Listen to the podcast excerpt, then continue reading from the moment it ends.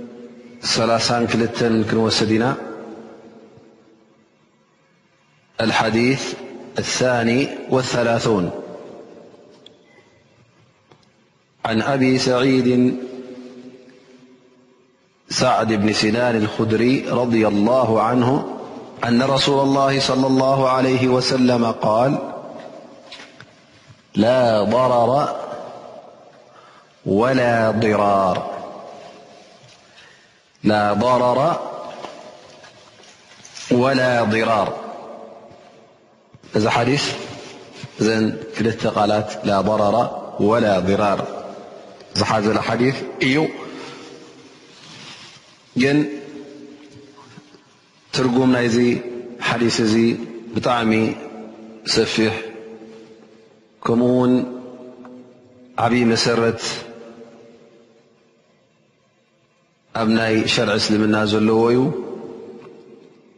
ምክንያቱ እቶም ዑለማ እቶም ፍሃ ነዚ ሓዲስ እዚ ከም ቤዝ ከም መሰረት ገይሮም ስለ ዝጥቀምሉ ኣብ ኩሉ ሓድሽ ነገራት እውን ወላ ዝርከብ ውሳኔ ክብሉ እንተ ደኣ ኮይኖም እዚ ሓዲስ እዚ ከቕርብዎ ንረኽቦም ማለት እዩ እዚ ሓዲስ እዚ ወላ እውን ኣብዚ ግዜና ኣብቲ ብዛዕባ ናይ ሽጋራ ንኣብነት ክጥቀስ እንከሎ ካብቲ መርትዖታት ዝጥቀምሉ ዑለማ ነዚ ሓዲስ እዚ ላ ضረራ ወላ ضራር እብልኻ ምኽንያቱ ሽጋራ ምትካኽ ጉድኣት ስለ ዘለዎ ነፍስኻ ስለ ዝጎድእ ነቶም ኣብ ጥቓኻ ዘለዉ ስለ ዝጎድእ ገንዘብካ ኣብ ማልካ ናብ ነፍስኻ ናብ ጥዕናኻን ስለ ዝጎድኣካ ወነቢ ስ ሰለም ላ ضረራ ወላ ዲራር ዝኾነ ይኹን ጉድኣት ክህሉ ከም ዘይብሉ ኣብዚ ሓዲስ እዚ ስለ ዝጠቐሱ ኢዘን ነዚ ሓዲስ እዚ እጥቀምሉ ማለት እዩ ضረር ክበሃል እንከሎ ብቋንቋ ዓረብ እንታይ ማለት እዩ ጉድኣት ማለት እዩ ኣንፃር ረብሓን ጠቕምን ማለት እዩ ላ ضረራ ክብሉ ከለዉ ነቢ ስ ሰለም ማለት ዝኾነ ይኹን ወዲ ሰብ ንሓዉ ክጎድእ ከምዘይብሉ እዚ ጉድኣት እዚ ወይ ጠቕሚ እንተ ነይሩ ካብ ጥቕሚ ከትርፎ ኢሉ ጉድኣት ከውድቀሉ ከሎ ወይ ኣብ ነብሱ ኮይኑ ኣብ ማሉ ኮይኑ ኣብ ገለ ናቱ ዘበለ እተ ጎዲእዎ እዚ ضረር ይበሃል። ዲራር እብሉ ዑለማእ፣ ነዚ ዲራር ክብሉ ከለዉ ድማ ነነብሕትካ ንኽትጎድእ ክትፍትን እንከለኻ እዚ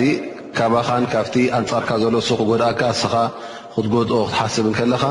እዚ ንገዛእ ርእሱ እውን ዲራር ይበሃል ይብሉ ወይ እውን ክልቲኡ እውን ሓደ ትርጉም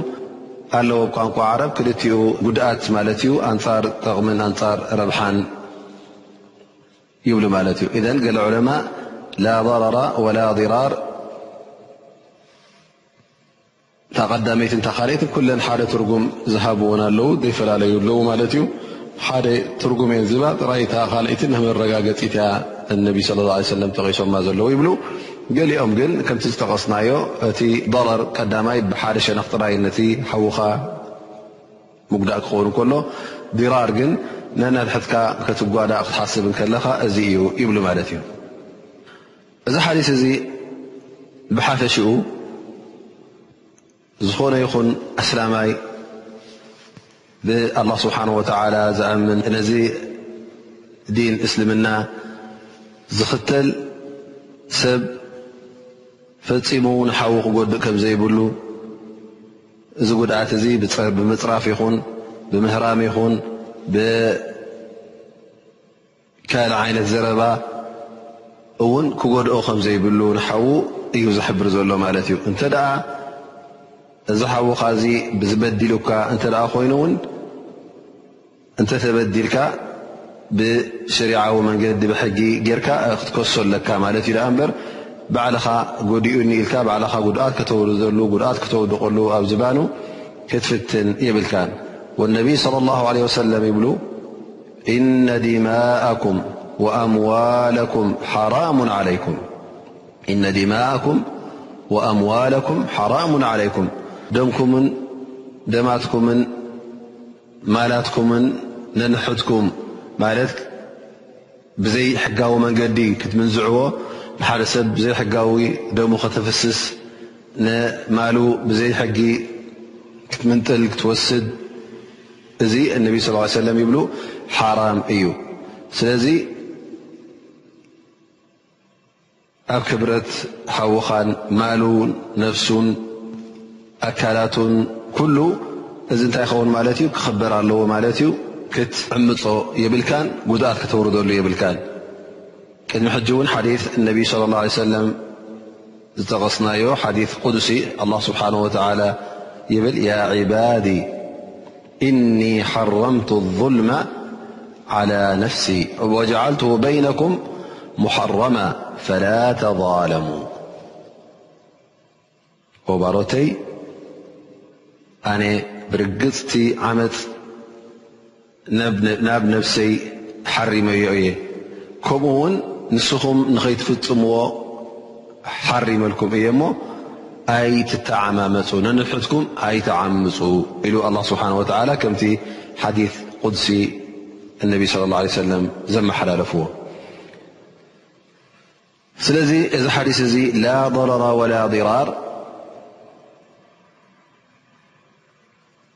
ኩሉ ጉድኣት ዘቡኡ ይነጽግ ማለት እዩ። ኩሉ ጉድኣት ዘቡኡ ኣብዚ ሸርዒ እስልምና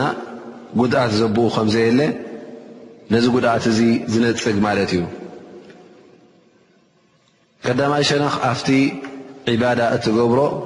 ማለት ኣብቲ ኣላ ስብሓን ወተዓላ ዝሸርዓልካ ጉዳይ ዒባዳ እንተ ርኢኻ ኣምልኾት ንኣላህ ስብሓን ወተዓላ እትገብሮ ኣብኡ እውን ኣላህ ስብሓን ወተዓላ ጉድኣት ዘለዎ ዒባዳ ኣይኣዘዘናን እንተ ደኣ ብሰንኪ ሓደ ዓይነት ዒባዳ እውን ኣብ ኣካላትና ኣብ ነብስና ኣብ ማልና ጉድኣት ዝወርድ እንተ ደኣ ኮይኑ ኣላ ስብሓን ወተዓላ እቲ ጉዳይ ኣፋኺሱልና እዩ ንኣብነት ኣላ ስብሓን ወተዓላ ክንሰግድ እንተ ደኣ ኮይንና ጸሪና ብማይ ውዱእ ጌርና ክንሰግድ ተኣዚዝና ግን እንተ ውዱእ ጌርካ ንክትሰግድ ዝጎድኣካ እንተ ኮይኑ ሕማም ብሰንኪ ሕማም ወይ ቁሪ ሓያል ቁሪ እተ ኣሎ ኮይኑ እሞ ውዱእ ክትገብር እተዘይከኣልካ ኣብ ክፉት ቦታ ኣለኻ እሞ እተ ውዱእ ጌርካ ላስከድክመካን ክሕመካን እተ ዘስግኣካ ኮይኑ ወላ ውን ጀናባ እተ ነይሩካ ነብስኻ ንክትሕፀብ ትእዘዝ ኢኻ ግን እንተ ቁሪ ኮይኑ ናብ ተየሙም ትሓልፍ እተ ሕማም ኣለካ ኮይኑ ቁስሊ ኣለካ ሞማይ እተ ኣፍሲስካሉ ክጎድእካ ስለዝኽእል ቁስልኻ ዝያዳ ክብሽቅጥ ወይ ከዓ ብዝያዳ ከቆንዝወካ ወይ ከዓ ትምሕዋዩ ክደናጎ ስለዝኽእል ብሰንኪ ማይ ምፍሳስካ ናብ ምንታይ ትሓልፍ ናብ ተየሙም ትሓልፍ ናብ ሓመድ ተየሙም ጌርካ ጠሃራኻ ትገብር ማለት እዩ ከምኡ ውን ሰላት እተ ደው ኢልካ ክትሰግድ ኣለካ እተ ግን ደው ኢልካ ክትሰግድ ዘይትኽእል እተ ኮይ ከምኡ ብሰንኪ ናይ እርጋን ኮይኑ ብሰንኪ ሕማም ኮይኑ ብሰንኪ ዝኾነ ይኹን ዓይነት ሽግር ኮይኑ ኮፍ ኢልካ ንክትሰግድ ኣላ ስብሓን ወተላ ኣፍቂዱልካ ማለት እዩ እተ ኮፍ ኢልካ ዘይከኣልካ ውን ወላ ብጎቦ ኮንካ ወላ ውን ኣብ ዓራት ኮንካ ክትሰግድ ኣላ ስብሓን ወተላ ኣፍቂዱልካ ጾም እንተ ርእና ውን መገሻ ኩሉ ግዜ ድኻም ስለ ዘሎ ኣብ መገሻ ጾም ኣላ ስብሓን ወተላ ኣዕሪፍካ ኣብቲ ካብ መገሻ ደው ትብለሉ እዋን እተን ዘፍጠርካያን ክትቀድየን ኣላ ስብሓን ወተላ ኣዚዙ እዘን ኣብቲ ዒባዳ ንገዛ ርእሱ ኣብቲ ኣላ ስብሓን ወተላ ዝሸርዖን ዝኣዘዞን ጉድኣት ዝበሃል ኣይንረክብን ኢና። ከምኡ ውን ኣብቲ ጉዳይ ናይ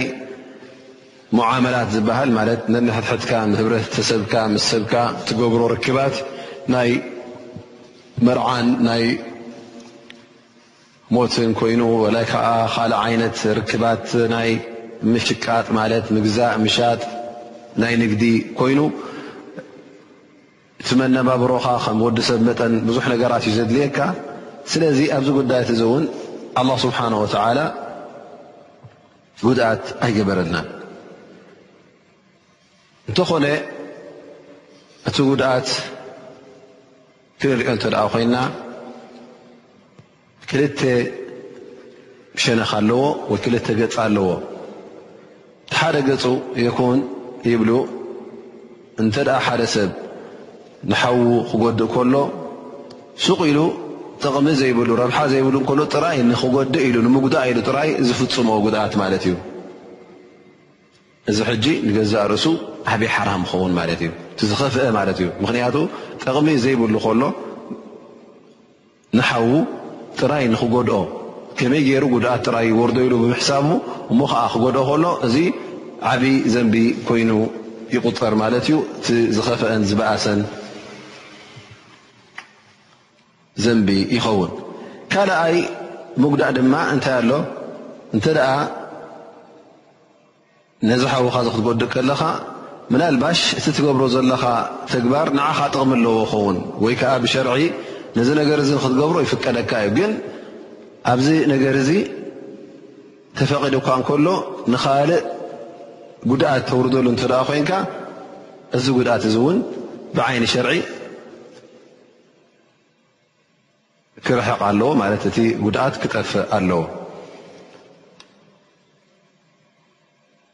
ንኣብነት ሓድሓደ ግዜ ሰብ ንምንታይ ይጎድእ ሱቕ ኢልካ ብዘየድሊ ኣገባብ ربح زيبل كل يدء مت نبنت وصية نتدارن حضر كب ين الله سبحانه وتعلى يل ت ميراث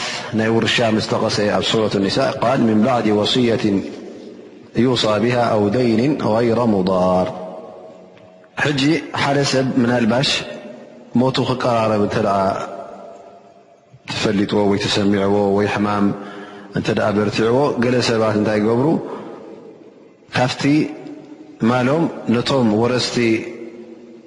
ከየፍቀደ ባዕሉ ንሓደ ካብቶም ወረስቲ ዝያዳ ንክወሃብ ሕድሪ ይገድፍ እዚ ሕጂ ንሱ ዝጥቀሞ ነገር የብሉን ግን ገንዘቡ ስለዝኾነ ሕጂ በቲ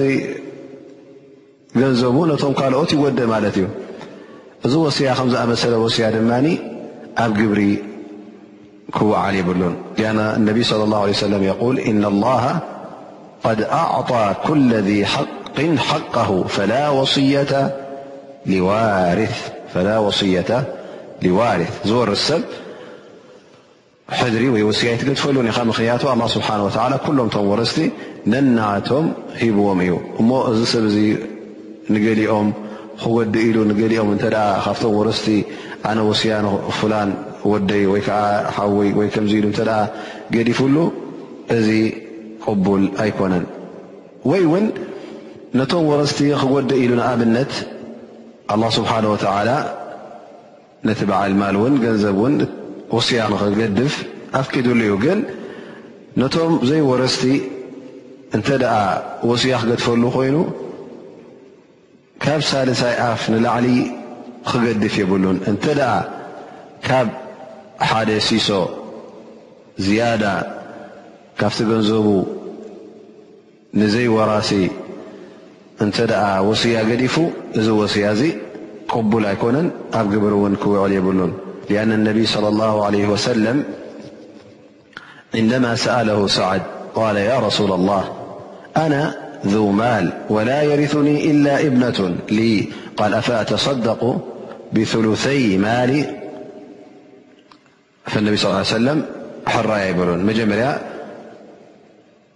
ሳዕድ እብን ኣቢ ወቃስ ንነቢ ስ ሰለም ሓቲትዎም ማለት እዩ ኣነ ገንዘብ ብዙሕ ኣለኒ ዝወርሰኒ ድማ የብለየ ብጀካ ሓንቲ ጓለያ ጥራይ ዘለኒ እሞ እዚ ገንዘብ ዚ ብዙሕ ስለ ዝኾነ ካብዚ ገንዘበይ ብክልተ ሲሶዶ ሰደቃ ከውፅእ ኢሉ ነቢ ለ ላ ለ ወሰለም ሓቲትዎም ፈነቢ ለ ላ ለ ሰለም ላ ኣይከውንን ኢሎሞ فقلت بالشطر قال لا م فرق ل سعد نبي صلىه سم فالني صلى عيه سلم أيفلكان إلم أمرش الثلث ي حد سص يارسول الله ل فالنبي صى الله عليه وسلم معلش ح ص ينلك ن ح ص ن بزح ي والثلث كثير أو كبير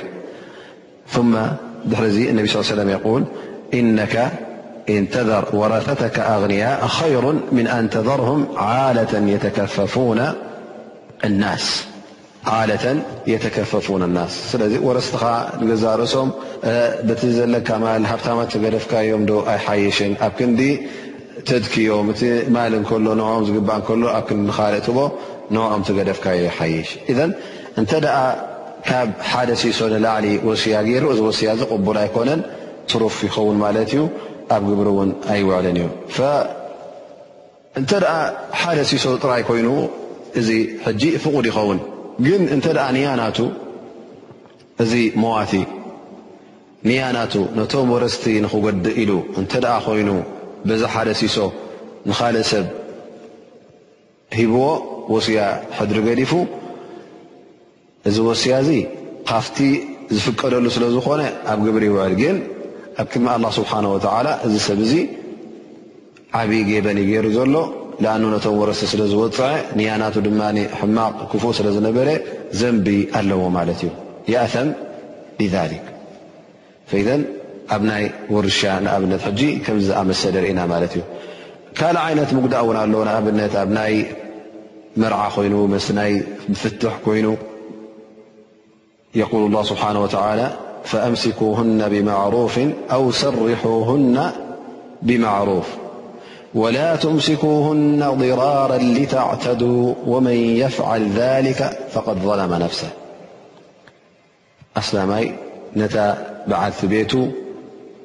كم تقبو كحزا أنت ين بمعروف ብንቡር ገይሩ ይሕዛ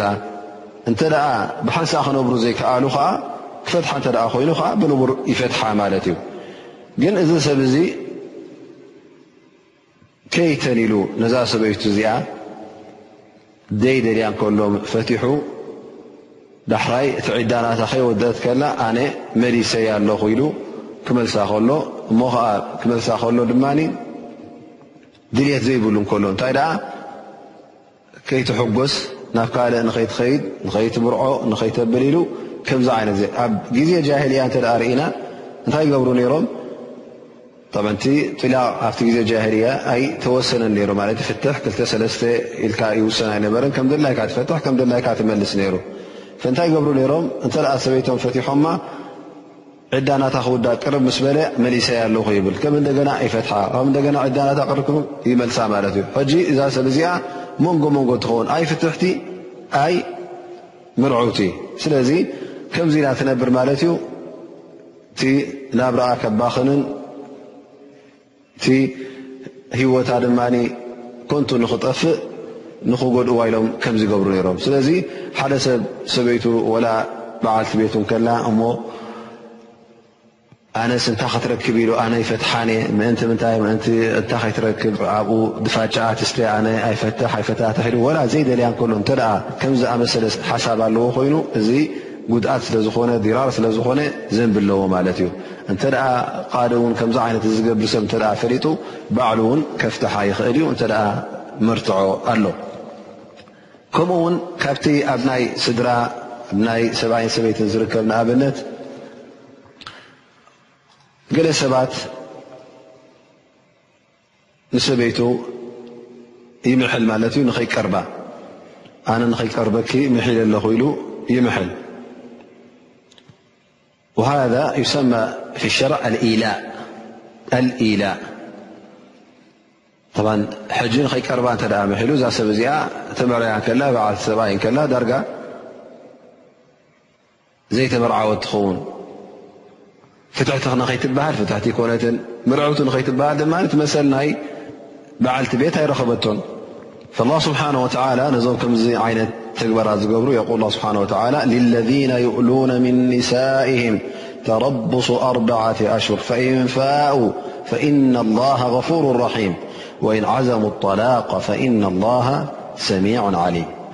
እንተ ሓደ ሰብ ምሒሉ ንዓመት ወላ ፈፂመ ይቀርበክን የለ እተ ኢሉ ምሒሉ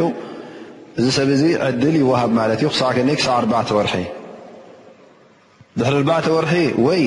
ናብ ሰበይቱ ይምለስ ማለት እዩ ክምለስ ከሎ ከዓ ናይቲ ዝመሓሎ ከፋራ ይገብር ማለት እዩ ከፋራ ናይቲ ዝመሓሎ እውን ይኸፍል ይከፍር ዓን የሚኒ ናይ ማሓላ እንተ ኣብዩ ድማ ክመለስ ኣይመለስን እተ ኢሉ እዛ ሰበይቱ እዚኣ ትፍታሕ ማለት እዩ ስለዚ ካብ ኣርባዕተ ወርሒ ንላዕሊ ኣይትፅበዮን እያ ቀደም ኣብ ግዜ ጃህርያ ከምዚ ገይሮም ነተን ኣንስቶም ንዓመት ንክልተ ዓመት ፈፂምናይ ንቐርበክንና ምሒልና ኣይና ይብልዎን ማለት እዩ እዛ ሰብ እዚኣ ሕጂ ላንጋ ላንጋ ተርፍ በዓልቲ ሰብኣይ ተባሂላ መሰል በዓልቲ ቤት ኣይረኸበት ፍትሕቲ ተባሂላ ኣብ ካህዲ ክትምርዖ ይትኽእል ኣብኡ ከላ እላንጋ ላንጋ ትተርፍ እዚ ድማ ምንቲ ምንታይ ነይሩ ንዓኣ ንክጎድዋ ኢሎም ስለ ዝሓሰቡ ማለት እዩ እዚ ነውዕ ምን ኣዲራር ማለት እዩ እቲ ጉድኣት እዚ ዓይነት እዚ ጉድኣት ክጠፍእ ከም ዘለዎ ኣብ ሸርዒ እስልምና ሕጂ ርኢናዮ ከመይ ገይሩ እውን ከም ዘጥፍኦ ማለት እዩ ስለዚ ትዕድል ተዋህቦ ንርባዕተ ወርሒ ኮይኑ ማለት እዩ ካብኡ ንላዕሊ ግን ወይ ናብ ሰበይቱ ይምለስ ወይ እውን ይፈትሕ ማለት እዩ እንተ ደኣ ከምኡ ውን ኣብ ናይ ምጥባው ኣብ ናይ ረዳዓ እንተ ደኣ ሰብኣይን ሰበይትን ተፋቲሖም እሞ ኸዓ ቆልዓ እንተ ደኣ ነይሩ ኮይኑ እዚ ቆልዓ እዚ ከምቲ ግቡእ እታ ኣዲኡ ነዚ ቆልዓ ምጥባው እንተ ደኣ ዘድሉ ኮይኑ እንታይ ከይረክብ ባዕሉ ፈልጥ እዚ ኣቦ ስኳ ጠሊቑኒ ዘሎ ፈትሐኒ ኢሉ ኢላ ንኡ ፅሊኣ ነቲ ቆልዓ ክትጎድእ የብላን ከምኡ ውን ንሱ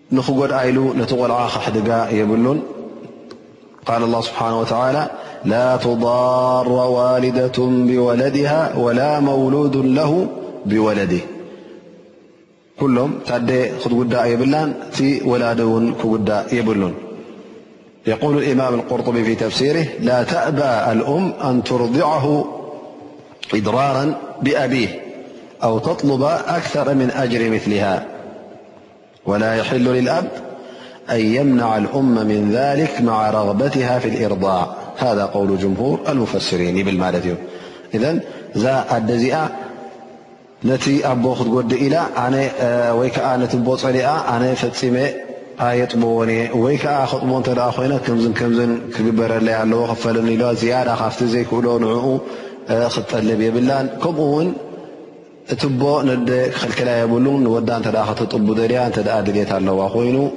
ይብል ይብል ማለት እዩ ቶም ሙፈስሪን ኣብዚ ሕጂ እውን ርኢና ማለት እዩ ኣብቲ መሻጥን ምልዋጥን ክኸውን ከሎ ኣላ ስብሓን ወተላ ኣብቲ ሸርዒ እስልምና ጉድኣት ክርከብ ከምዘይብሉ ንንሕትካ ክትጓዳእ ከምዘይብልካ ኣላ ስብሓን ወተላ ኣብቲ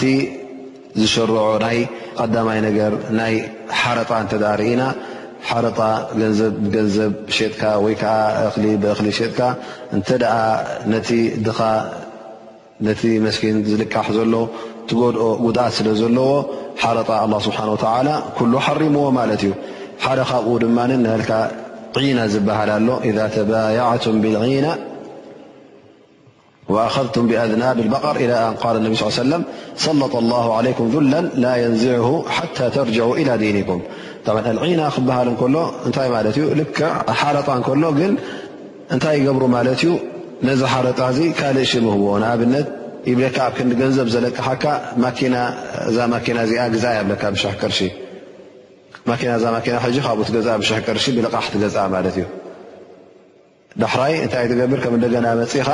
ነዛ ማኪና እዚኣ ናብኡ ትሸጣ ማለት እዩ ብክንደይ ብትሸዓተ ሚትን ኣብነት ብሽሕ ቅርሺ ገዚእካያ ብትሸዓተ ሚትን ከም እንደገና ናብኡ ትሸጠሉ ማለት እዩ ክትሸጣ ከለካ ድማ ከዓ ገንዘብካ ትቕበል እዘን ሕጂ እንታይ ካ ጌርካ ዘለካ ማለት እዩ እተን ትሸዓተ ሚእቲ ብሽሕ ቅርሺ ንክትመልሰን ተለቂሕካ ማለት እዩ ስለዚ እዚ ልክዕ ሓደ ዓይነት ሪባ ይበሃል ወይ ከዓ ሓረጣ እዩ ግን ኣብ ክንዲ ገንዘብ ተቐቢልካ ገንዘብ ትመልስ እንታይ ጌርካ ማለት እዩ ነዛ ማኪና ወይ ከዓ ንዝኾነ ይኹን ዓይነት ኣቕሓ ከም መታለሊ ጌርካ ተጠቒምካ ኣሎ ማለት እዩ ከምኡ ውን በይዕ ነቢ ስ ሰለም ናሃ ን በይዒ ሓሳት በይዕ ልሓሳድ ዝበሃል ድማ እንታይ ማለት እዩ ብዙሕ ኣቑሑት ይህሉ ማለት እዩ ኣነ ዝደርበኹላ ዝነጠበታ ብክንዲዚ ክገዝኣ እያ ትብል ማለት እዩ እዛ እምኒ ዝደርበኹላ ኣብ ተንከፈ ትተንክፍ ብክንዲዚ ክገዝኣ ወይ ብሃ ብክንዲዚ ክከፍ ኢልካ ሕጂ እንታይ ከም ትትንክፍ ኣይትፈልጥን ኢኻ እታ እምኒ ኣበይ ከም ትኸይድ ትጭምታ ኣይትጭምታን ትፈልጥ ኣይትፈልጥን ኢኻ ብከም ዝኣመሰለ ተዓድልካ ዝበፅሓታ ፈኢዘን እንታይ ይኸውን ማለት እዩ እዚ ወይ ንዓኻ ጉድኣት ክወድቀካ እዮ ወይ ከዓ ነቲ ዝሸጠልካ ዘሎ ጉድኣት ክርከቦ ስለ ዝኾነ ከምዚ ዝኣመሰለ መሸጣ እውን እነቢ ስለ ላ ሰለም ከልኪሎ እሞ በይዕ ልቀረር غሽ ዘለዎ ማለት ሓቢካ ዘይተፈልጠ ነገር ወይ ከዓ ነቲ ዝገዝእ ዘይ ነታ ትሸጣ ዘለኻ ኣቕሓ ዘይብላ ከምዝለዋን ከምዝን ከምዝን የልካ ክትቅሽሾ ከለኻ እዚ ንገዛ ርእሱ ኣብ ሸርዒ እስልምና ተኸልኪሉ ማለት እዩ እዘን እዚ ሓደ ዓይነት ካብቲ ጉድኣታት ስለ ዝኾነ ኣብቲ ሸርዒ እስልምና ይኽልከል ማለት እዩ ካልኣይ ዓይነት ጉድኣት እውን ካብቲ ክልኩል ዝበሃል ማለት እዩ ምናልባሽ ሓሓደ ግዜ እስኻ ከምቲ ዝጠቐስናዮ ማለት እዩ ካልኣይ ዓይነት ጉድኣት ነቲ ነገር ንክትገብሮ ይፍቀደካ እዩ ብሸርዒ ብሕጊ ይፍቀደካ እዩ ግን እንተ ናብ ካልኦት ጉድኣት ዘውድቕ እተ ኮይኑ እዚ ጉድኣት እዚ ክኽልከል ኣለዎ ንኣብነት ይብሉ ዑለማ ምናልባሽ ሓደ ሰብ ኣብ ግራቱ ድላዩ ንክገብር ይፍቀዶ እዩ ምናልባሽ ዛገራቱ እዚኣ ጨሪሳ ትኸውን ሓሰር ኣሎ ወይ ከዓ ሳዕሪ ስለ ዘሎ ነዚ ሳዕሪ እዚ ከጥፍኦ ኢሉ ምናልባሽ ሓወይ እተ ኣቃፂልዎ ከቃፅልዎ ይፍቀዶ እዩ ን ምክንያቱ ሱ ነቲ ኣብ ግራቱ እዩ ትሰርሕ ዘሎ እታ ግራቱ ከዓ ድላዩ ገይሩ የፅርያ ማለት እዩ ግን ብሓዊ ከፅርያ ከሉ ንኣብነት ኣብ ብርቱዕ ንፋስ ዘለዎ መዓልቲ እተ ኮይኑ ምናልባሽ እዚ እሳት ናቱ እዚ ዘቃጽሎ ዘሎ እሳት ነታ መሬቱ ንኸጽሪ ኢሉ ካብ ሓሰር ኮይኑ ካብ እሾኽ ካብ ካልእ ጎዳኢ ነገራት ናብ ካልእ ግራውቲ ወይ ከኣ ናብ ካልእ ገዛውቲ ክሰግር ስለ ዝኽእል እዚ ነዚ ክገብር እንከሎ ክኽልከል ኣለዎ ወይ ከኣ እንተ በቲ ብሰንኪቲ ዝገበሮ ናይ ምቅጻል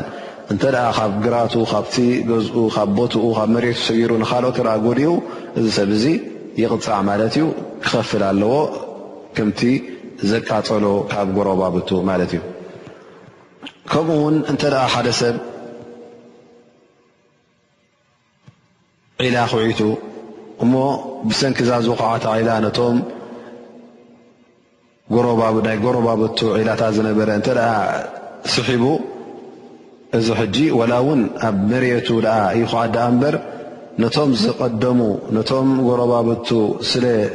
ብሰንኪ ዝኹዓቶ ስለ ዘቀፀሎም እዚ ሕጂ ከምኡ እውን ክኽልከል ኣለዎ ይብሉ ምኽንያቱ ጉድኣት ስለ ዘምፅእ እዘን ከምዚ ክበሃል እንከሎ እውን ምናልባሽ ሓደ ሓደ ግዜ ከዓ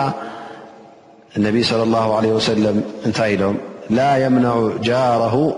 ኣን የغሪዘ ኸሸበተን ፊ ጅዳር እተ ጎረቤት ኣለካ ኮይኑ እዚ ጎረቤትካ እዚ እንተ ካብቲ መንደቕካ ክጥቀም እተ ኮይኑ ዓንዲ ክተክል ወይ ከዓ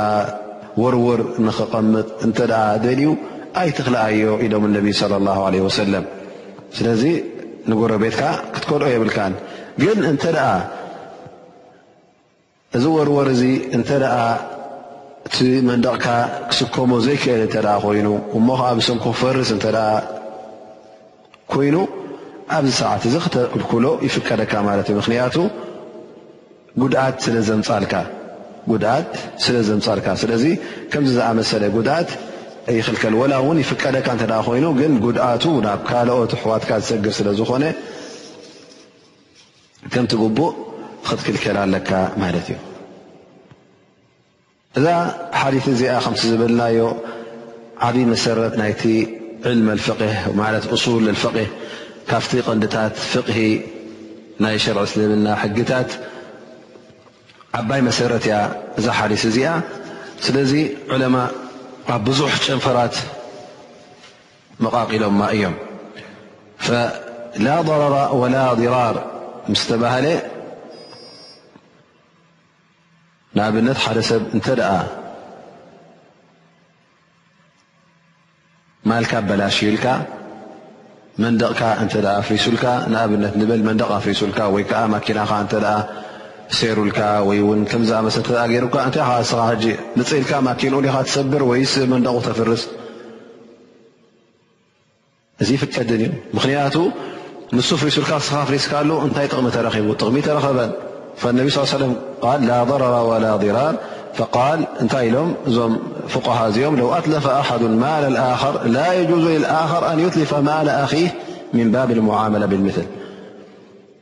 ልክዕ ከምታ ማኪናይ ዝሃረመለይ ክሃርመሉ ወይ ከዓ ልክዕ ከምቲ መንደቀይ ዘፍረሰለይ ከፍርሰሉ ኢልካ ኣይተፍርሰሉን ኢኻ እንታይ ደኣ ብሕጊ ትጠርዖ ማለት እዩ እዚ ሰብ እዚ ከምዚ ከምዚ ጉድኣት ፈፂሙለይ ኣሎ እሞ ኣነ ከዓ መሰለይ ይሓትት ኢልካ ናብ ሕጊ ተቕርቦ መሰልካ ትወስድ ደኣ እምበር እንተ ብኢትካ ኣፍሪሱለይ ኢልካ ተፍርሰሉ እተ ኮንካ ሃሪሙለይ ኢልካ ትሃርመሉ እተ ኮንካ እዚ እስኻ ትረኽቦ ፋይዳ ጥቕሚ ስለ ዘየለ ግን ከምቲ ግቡእ እንታይ ክትገብር ኣለካ ትጥርዖ ማለት እዩ መሰልካ ትወስድ ማለት እዩ ገንዘብ ኮይኑ ወይ ከዓ ካልእ ዓይነት ከምቲ ዝበልናዮ እዛ ሓሊት እዚኣ ማለት ከም ቤዝ ከም መበገሲ ስለ ዝኾነት ከምኡ ውን መሰረት ስለ ዝኾነት ካብኣ ዝወፅእ ጨንፈራት ኣሎ ንኣብነት ይብሉ ፍቁሃ ኣضረሩ ዩድፋዑ ብድሪ እምካን ኣضረሩ ዩድፋዑ ብቀድሪ እምካን ማለት እንተ ጉድኣት ተረኺቡ እዚ ጎድኣት እዚ ብዝከኣል መጠን ክፅረግ ኣለዎ ብዝከኣል መጠን ክርሕቕ ኣለዎ ክፅረግ ኣለዎ ንኣብነት ይብሉ እንተ ሓደ ሰብ ብሰንኪ ዝገበሮ ንኣብነት ብናይ መጃሪ ኮይናይ ማይ ዝፈስስ ንኣብነት ካብ ዚንጎ ናቱ ወይ ከኣ ካብቲ ላዕሊ ማይ ድፈስስ እንተ ኣሎ ኮይኑ እሞ ከኣ እዚ ማይ ዝፈስስ እዚ ሰብ ምሕላፍ ዝኸል እተ ኮይኑ ክዳውንቲ ሰብ ዘበላሹ እተ ኮይኑ እዚ ገይርዎ ዘሎ መንቆርቆር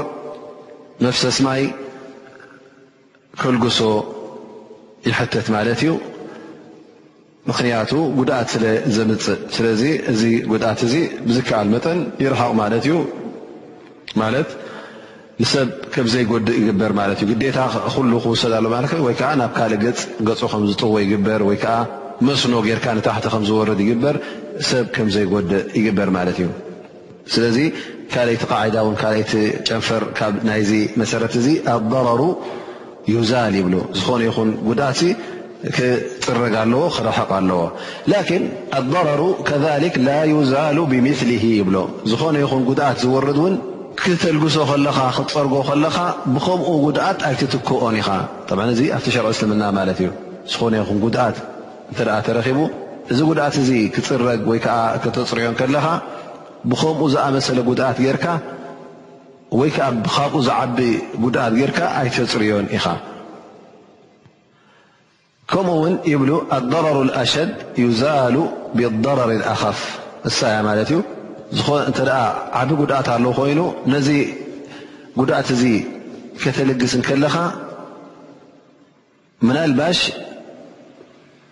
ጉድኣት ይርከብ ይኸውን እሞ እዚ ጉድኣት እዚ እንተ ፈኲስ ኮይኑ ደሓን እዩ ይብሉ ማለት እዩ ምክንያቱ ምእንቲ ነቲ ዓብዪ ጉድኣት ንኸተርሕቕ ብንእሽተይ ጉድኣት እንተ ኣሕሊፍካያ እዚኣ ፅቡቕ ኸውን ማለት እዩ ብዕትባር እኖ ክልተ ጉድኣት ኣለዋ ማለት እዩ እሞ ከዓ ነየነይተን ክንርኢ ኣለና ማለት እዩ ነታ ዝዓበየት እታ ዝዓበየት ክትጠፍእ ኣለዋ ክልትኤን ክተጥፈን እተ ዘይከኢልካ ወይታ ዓባይ ወይታ ንእሽተይ ክትጠፍእ እተ ኣለዋ ኮይኑ ነታ ዓባይ ተጥፍእ ማለት እዩ ንኣብነት ይብሉ እንተ ደኣ ገንዘብ ዘካት ነቶም ዶኻታት ዘይኣኽሎም እተ ኮይኑ ምክንያቱ እቶም ሃብታማ እተ ውሒዶም እቲዘውፅዎ ዘለዉ ዘካት ዘይኣክል እንተ ኮይኑ ኢሎም ዕለማ እቲ መራሒ ዘሎ ነቶም ሃብታማት ካብቲ ዘካት ዝያዳ ንክኸፍሉ ይእዝዞም ማለት እዩ ምክንያቱ ነቶም ድኻታት ንኩሎም ምእንቲ ንክበፅሖም ይብሉ ማለት እዩ ከምኡ ውን ይብሉ ናይ ግሊ ጉድኣት ከምኡ ውን ሓፈሻዊ ጉድኣት እንተኣ ኣሎ ኮይኑ ነየናይ ኢኻ ቀዳምነት ትህብ? ነቲ ሓፈሻዊ ጉድኣት ንዕኡ ቀዳምነት ሂብካ ንዕኡ ክትፀርግ ኣለካ፣ ንዕኡ ከተፅሪ ኣለካ። ስለዚ እቲ ግላዊ ውልቃዊ ጉድኣት ንዕኡ ተሰኪምካ ነቲ ሓፈሻዊ ጉድኣት ንዕኡ ትፀርግ። ነዚ ክምስልሉ ወይ ከዓ ኣብነት ክቕርብሉ ከለዉ እንታይ ይብሉ እንተ ገለ ካብቶም ነጋዶ ዝቐመጥዎ ኣቕሓታት ነይሩ ኮይኑ እሞ ከዓ ብኽቡር ክሸጥዎ እተ ጀሚሮም እሞ ከዓ ንህዝቢ ንኩሉ ብሓፈሽኡ በቲ ትሃብዎ ዋጋ እንተ ጉድኣት ይወርድ ኣሎ ኮይኑ ብዘየገድስ እዞም ውሑዳት ሃብታማት ወላ እውን ይጎድኡ እቲ ኣቕሓ በቲ ንቡር ዋግኡ ንኽሽየጥ ይእዝዝ ማለት እዩ ማለት መን እቲ መራሒ ዓዲ ዘሎ ብከምዚ ዓይነት ይእዝዝ ምክንያቱ እዞም ሃብታማት ወይ ከዓ እዞም ነጋዶ እዚኦም ውሑዳት እዮም። እቲ ጉድኣት ኣብ መን እዩ ተረኪቡ ዘሎ ሕጂ ኣብቲ ሓፋሽ ህዝቢ ማለት እዩ ስለዚ ቀዳምነት ነቲ ናይ ሓፋሽ ህዝቢ ናይቲ ብዙሕ ህዝቢ ንዕኡ ርኢኻ ነቶም ውሑዳት ወላ ውን ገለ ጉድኣት ይውረዶም እዚ ጉድኣት ዝወርዶም ዘሎ እንታይ ክኸውን ይኽእል ማለት እዩ ክትስከሞ ክስከም ይኽእል ማለት እዩ ምክንያቱ ቀዳምነት ንምንታይ ሂብና ማለት እዩ ረብሓ ናይ ሓፋሽ ናይቶም ብዙሓት ሂብና ማለት እዩ ከምኡ ውን እንተ ክል ሓደ ጉድኣት በዚ ድማ ጠቕሚ ኣሎ ኮይኑ ማለት ረብሓን ጉድኣትን እንተ